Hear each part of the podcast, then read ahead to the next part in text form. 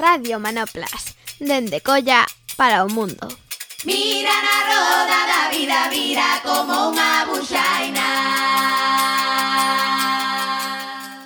Benvidas a Radio Manoplas, estamos nun, nunha nova entrevista e hoxe abrimos as portas da súa casa para eh, montar aquí todos os trebellos da radio Mariló Fernández Besada. Hola Mariló.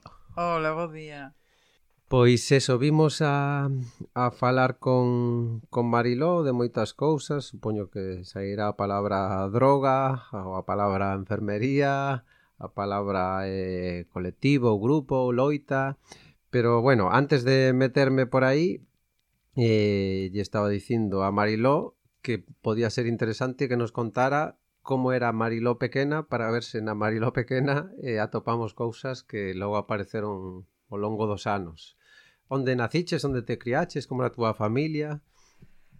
Eh, bueno, eu nacín en, en Vigo, eh, vivín ata os seis anos en, en Colla, e eh, posteriormente trasladámonos a Alcabre. Eh, meu pai era de Alcabre e a miña nai cos meus avós vivían en, en Colla. Eh, Eh, meu pai era mm, mecánico, asustador, traballaba en, en Freire, toda a vida se dedicou a, a construcción naval.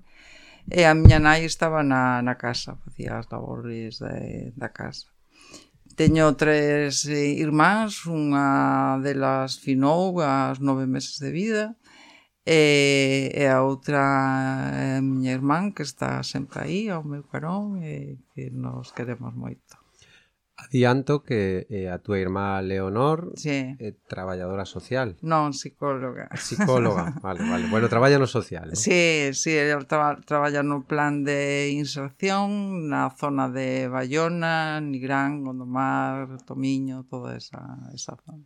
Ainda non imos dicir eh, porque coñecida a Mariló, pero seguimos aí coa túa infancia. Eh, eso, acabalo entre Colla e Alcabre. Sí. Eh, que lembras da túa deses anos? Que facías? Eh, como era a túa etapa educativa na casa? Non sei.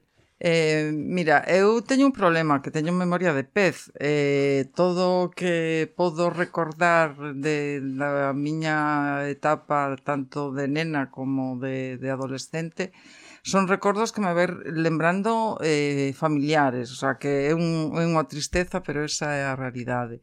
Eh, eu estudiei nun colexio público que había ali en Alcabre, eh, ali en Steven, hasta que marchei ao instituto de, de Colla eh, estiven ali un ano e posteriormente pasei para, para o amor de Dios onde fixen todo o bacharelato eh, cou nos maristas. Mm, por que no colexio de Monxas? Pois non sei moi ben por que meus pais tomaron esa decisión e eu seguín para adiante, non?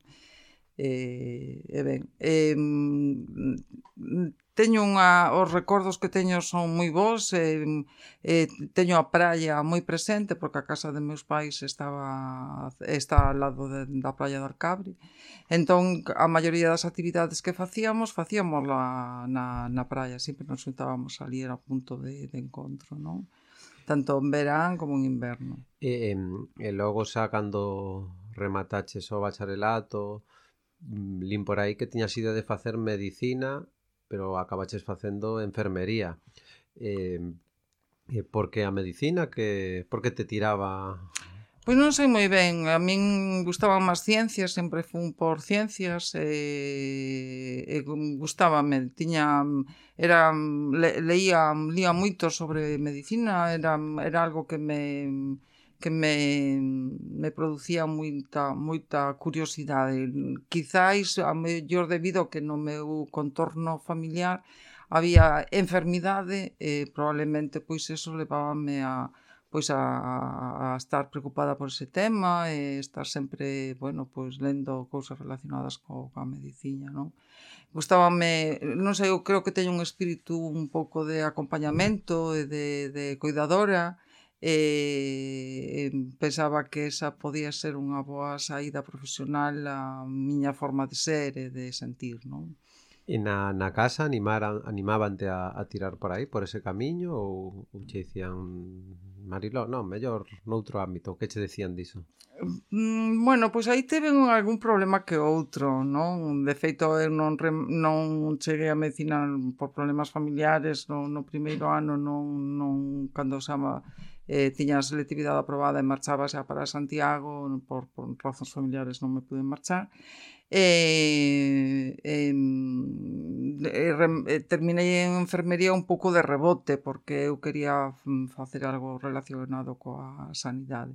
De feito o ano que estive en parada que ese ano que, que, que tiña que empezar primeiro de medicina o que fixe foi un curso de auxiliar de clínica eh, antes era, naqueles anos era moi fácil entrar na seguridade social e e eh, entón conseguín plaza na Seguridade Social e esta, e, foi foi o meu primer contacto, digamos, con, con xa o traballo de, de, de campo de verdade, non en centros de saúde, en, en hospitais e demais, onde realmente eh, tomei a firme decisión de que non estaba errada e que o que quería tirar era por a, por a sanidade, non? eh, a, túa, a túa tarefa ti lleva que moito coa enfermería pero tamén nun ámbito concreto que é o tema da, da, no, da saúde mental ou diagnósticos mentais. Eso sí. chegou despois, entendo eso a formación nesa, nese camiño. Sí, eu fixen enfermería e ao facer eh, as diferentes asignaturas que tes durante a carreira pois hai asignaturas como polas que te sintes que, que tes como unha maior inquedanza por aprender máis e máis, non? E, mm, xusto iba por a, as, as asignaturas que eran un pouco esa das, a, das que nese momento chamábase eh, eh, mm, Ciencias da Saúde, creo que era algo así, non? Que un pouco abarcaban todos os temas relacionados con temas de patoloxías eh, psiquiátricas, eh, mm, eh, pro, eh, enfermedades psicolóxicas e eh, demais, no? Enfermería comunitaria, que son moito de enfermería comunitaria.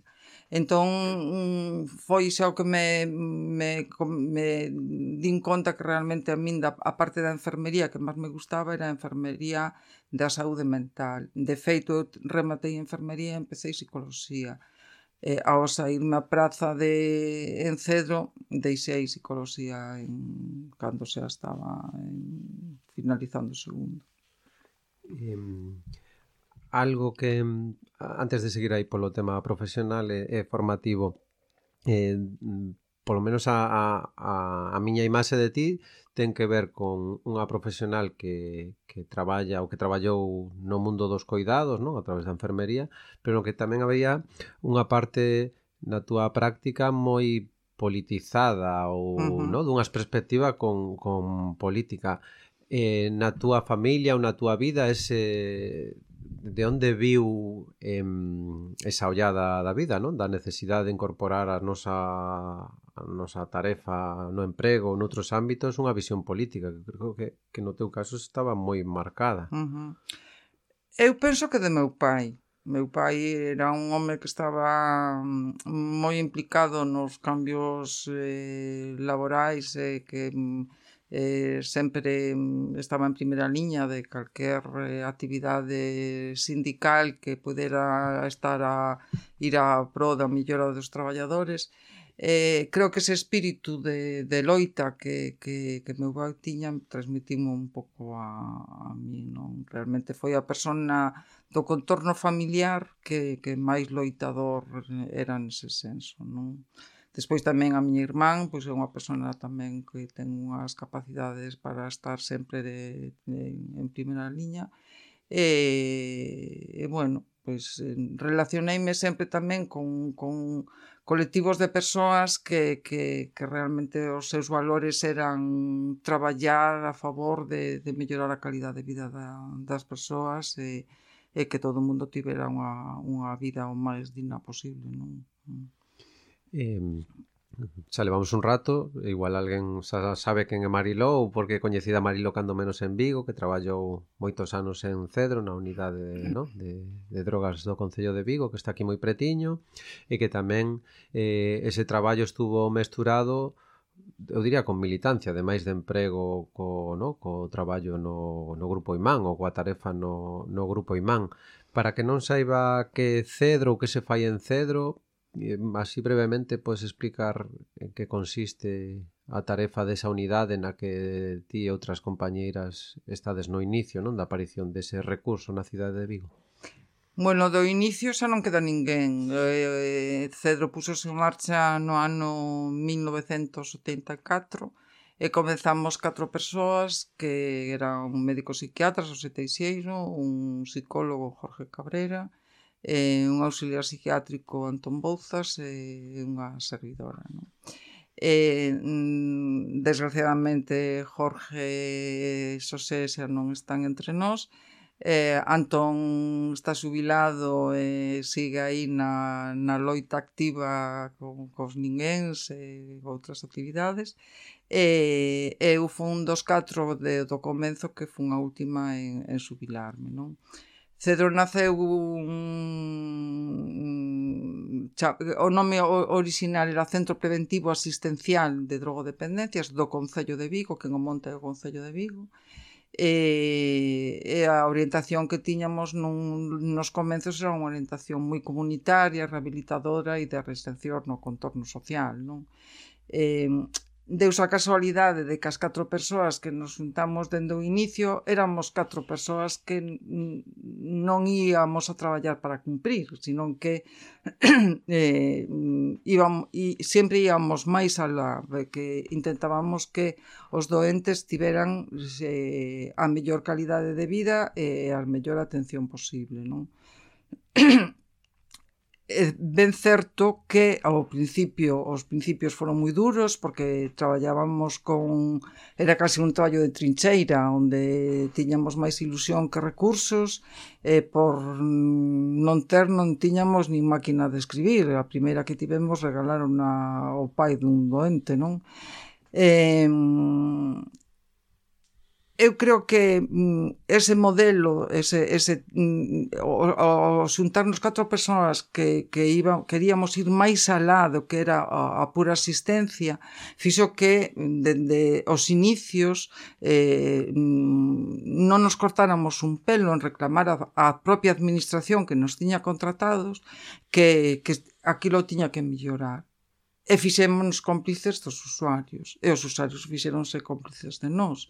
Conseguimos pois dende un principio poñer en marcha a asociación de unha escola de pais que deu pé a, asociación Erguete eh, que foi unha asociación da cidade do que posteriormente separouse de, de ceros, marchouse a outros locais e, e, mm, e mm, nos anos 90 xa coa epidemia da, da sida que veu agravar muitísimo xa a, a, a situación de, de, das persoas que padecían de, de drogas, eh, pusemos en marcha o grupo de autoapoio de seropositivos e eh, enfermos de sida o, o imán. Non? Eh, que, bueno, este grupo creceu eh, medrou grazas non soamente aos traballadores e, e, e os, os usuarios de, de Cedro, senón a todas as persoas voluntarias que sentían que tiñan que estar aí ao noso carón reclamando eh, melloras para, para eh, esto, estos pacientes que estaban carentes absolutamente de todos, co, eh, cheos de estimas sociais, e eh, eh, que, mm, bueno, chegar a un hospital, un enfermo de sida eh, daba incluso como un pouco de medo incluso no entorno hospitalario non? Eh, dende o grupo imán non só facíamos esa terapia que era tan necesaria porque cando a sida eh, chegou a, nos, a, a, a nosas vidas eh, desgraciadamente chega nun momento moi duro xa as persoas non son seropositivas, xa son persoas enfermas da sida, co que eh, trai, aparez, trai con eles a morte, xa, era inevitable neses, neses momentos nos anos 90, 91 era a morte, non? Entón, eh, pillounos a todos eh, como en shock, porque o único que mirábamos é que os nosos doentes empezaban a, a afinar un tras de outro e, e que era unha auténtica desesperación porque non sabías moi ben que era o que o que iba a pasar, non? Entonces se necesitaba, necesitábase ter ese calor, ese um, algo que onde poder comunicar toda esa frustración que tiñamos, tanto os profesionais como os doentes e as súas familias, non? E as persoas que tiñan unha sensibilidade de cara a esta patoloxía tan grave. Eh, dentro do Grupo Imán podemos facer iso, que, bueno, eh, acompañábamos, eh, nos sentíamos acompañados, tanto os profesionais como os usuarios como as persoas voluntarias, eh, e podíamos plantexear dende as necesidades que eles nos comunicaban que tiñan, eh, darlle voz e dábamoslle voz na rúa eh, pois a necesidade, por exemplo, dunha unidade intrahospitalaria de cuidados paliativos, que nese momento non había absolutamente nada. Eh, a necesidade de administración de metadona en prisións, por exemplo, que non se administraba tratamentos de metadona. A necesidade de, de, de revisar eh, as saídas de prisión de persoas que estaban en ese estado tan, mm, tan enfermos, tan graves, que a súa saída era para, para afinar na, na rúa. Entón, eh, fixemos dende concentracións, manifestacións, peches, estos peches fixéramos todos na comunidade parroquial Cristo da Victoria, que é unha comunidade que sempre estivo ao noso carón e que, grazas a eles, sentimonos moi arropados, porque mm, persoas que están tan necesitadas, sintan o calor de toda unha comunidade parroquial, para nós foi eh, grandioso en, atoparnos con, con, con, con estas persoas. Non? De feito, eh, nos temos doentes que son crentes, o sea, entón na, na parroquia hai un Cristo que é un Cristo de madeira moi moi bonito e eh, chegamos a bautizalo como Cristo da Sida. E para os nosos doentes ir ali e atoparse con aquel Cristo que chegamos a facer unhas estampitas, lle resultaba reconfortante. Os que eran crentes, os que non, pois nada, pero para os que eran crentes resultaballe moi reconfortante pois eh, pois sentarse ali e eh, falar con, con ese Cristo, non? Entón, eh, a loita foi unha loita de moitos anos, pois porque carecíamos absolutamente de todo.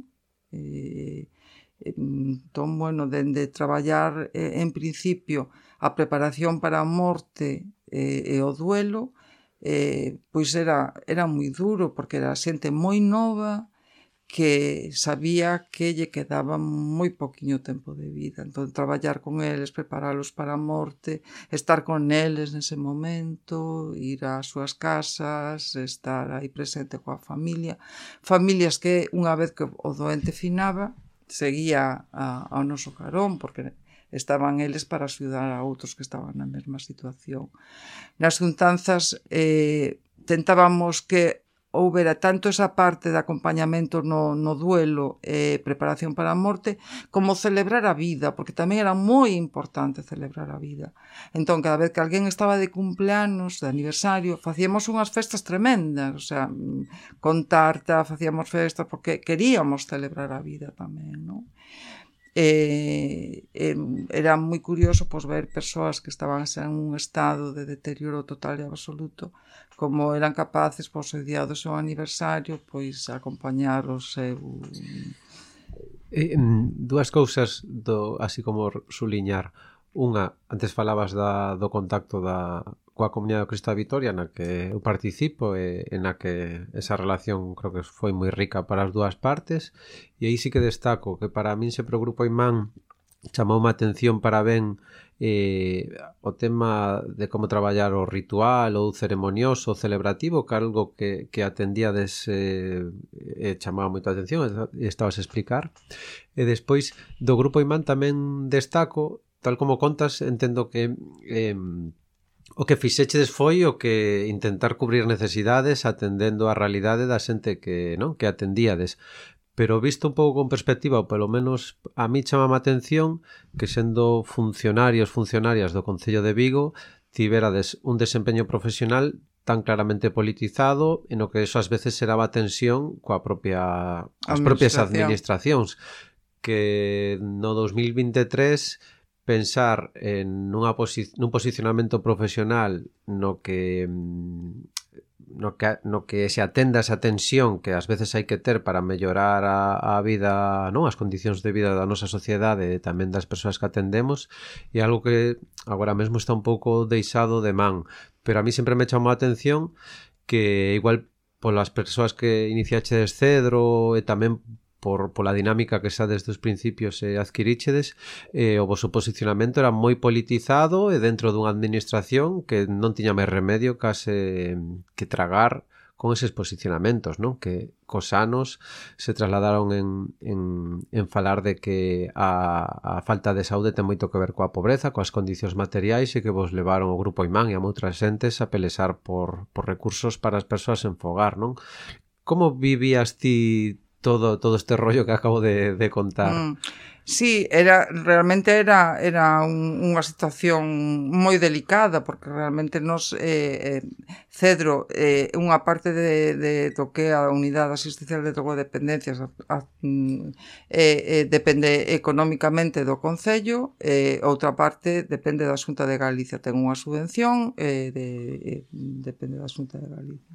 Entón nos estábamos eh, enfrentándonos ás dúas administracións que realmente tiñan capacidade para tomar decisións e para, para mellorar a calidade de vida das persoas que, que, que estaban nesa situación.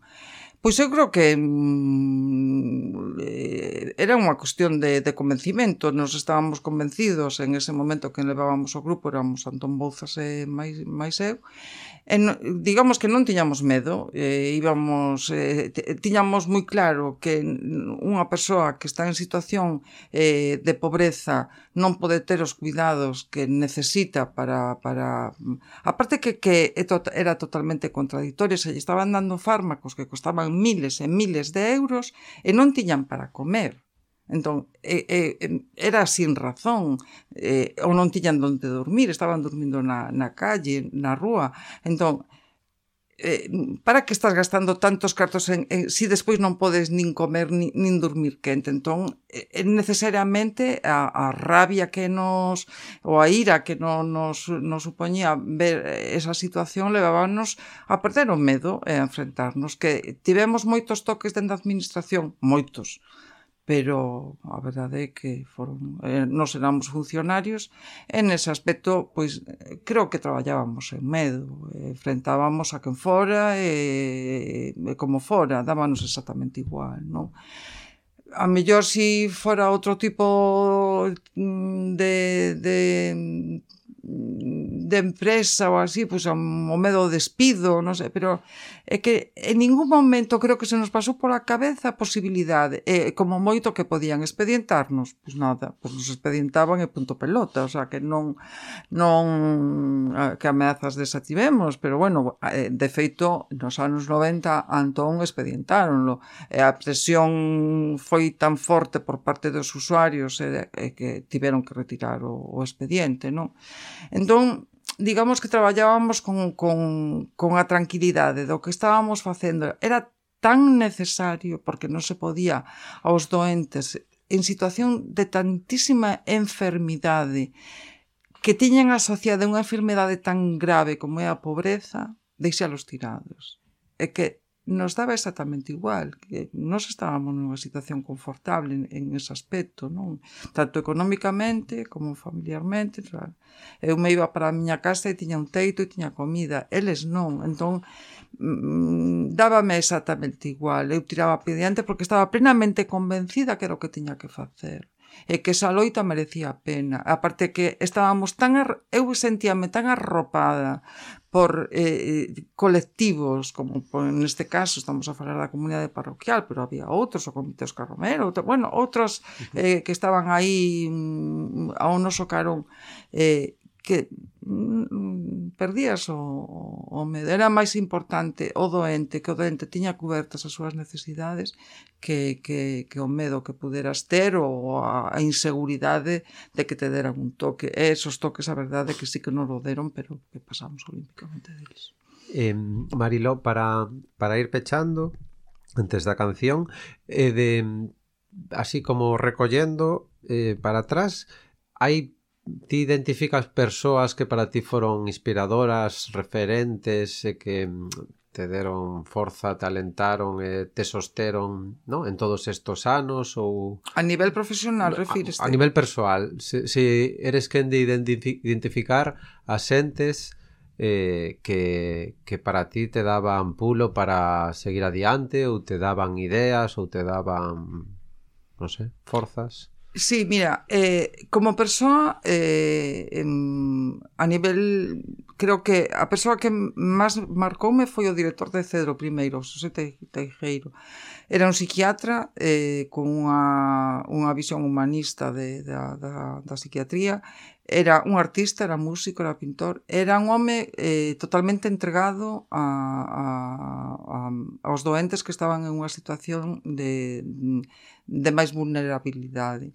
Era un home que era quen de decir que se unha persona lle quedaba tres meses de vida e necesitaba unha dentadura, inda que costara o que sese, se lle poñía a dentadura. Entón, eh, em, denos moitas alas, deixounos traballar moi a noso estilo. Entón, a mí marcoume moitísimo a creatividade que tiña e a, a capacidade que tiña de traballo e, e que el tamén eh, foi capaz de, de, de, de enfrentar esas institucións, porque fixo cousas que chegamos a facer cousas totalmente clandestinas, e que se te conto a historia de Cedro e de todo o que fixemos de maneira clandestina é para... Outro, é outro día. É outro día. Eh, e despois, eh, a min os que, máis, os que máis me marcaren, o máis me enseñaron, os que, son os propios doentes creo que eles foron os que me eh, eh, eh, ian cambiando o, o a, o meu sentir e a, a miña necesidade de dar voz ao que eles querían comunicar e que non, e non tiñan os medios para facelo. Pero eu sempre lle decía, hai que dar voz a este problema porque é moi importante, pero procura estar o meu carón Porque é moi importante que ti estés implicado nesta loita, porque é a túa loita. Eu vou estar aquí porque tamén é miña loita, pero tamén é importante que ti estés aquí. Entón, para mí os doentes foron, foron clave na, en todo este, este proceso de, de loita. Non? Marilo, te engañei, te dixo que iban ser 25 minutos, eh, levamos 27, Eh, pero bueno, como isto se pode facer máis veces non hai problema. Eh, Unha canción coa que queiras eh, pechar este ratiño de conversa de memoria individual e colectiva. Pois mira, unha canción Vou a lesir unha para a situación persoal que eu estou a pasar neste momento. É de último disco de SES eh, O medo dunha nena. Vale, pois eh, moitísimas grazas Mariló por por deixarme entrar aquí, eh, física e eh, non, eh, tamén vitalmente. Eh, nada, eh, quedamos escoitando a SES, eh, nada, puidendo eh, celebrar que, que estamos aquí con Mariló. Graciños, Mariló. Gracias a ti, Diego, sempre, sempre gracias a todos. Hasta logo. Hasta logo.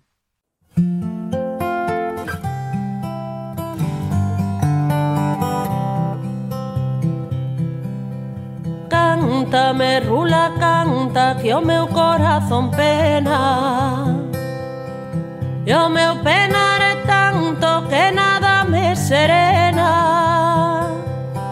E aunque medro e sorrío Cando comeza a escena Cardo na miña alma O medo dunha nena.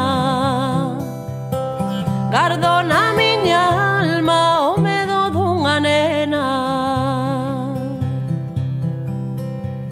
Fálame con cuidado que non atopo cura. E non teño xa dentro carraxe nin bravura. E anque sei que vira un vento que barrera tristura. Fálame agora lento, lévame esta amargura. Fálame agora lento, lévame esta amargura.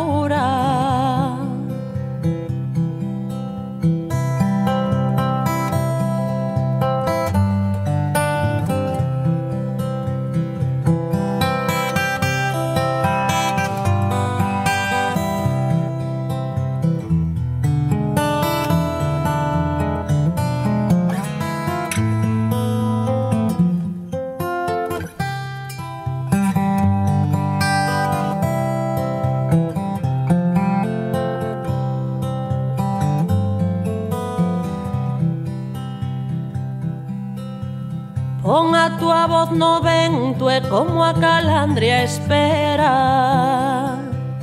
A que muden os tempos para anunciar a era. E devolveme o rumbo como eu cho devolvera se as túas as boas en lonxe da primavera.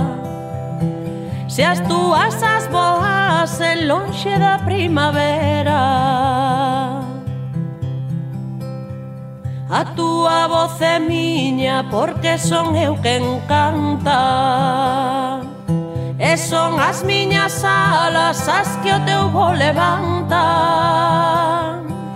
E anque esqueza que as teño elas só se axigantan Mentres volve a ledicia dar na miña garganta. Mentres volve a ledicia dar na miña garganta E canta, me rula canta que o meu corazón pena. E o meu penar é tanto que nada me serena. E anque medro e sorrío cando comeza a escena. Cardo na miña alma o medo pongan nena. Gardona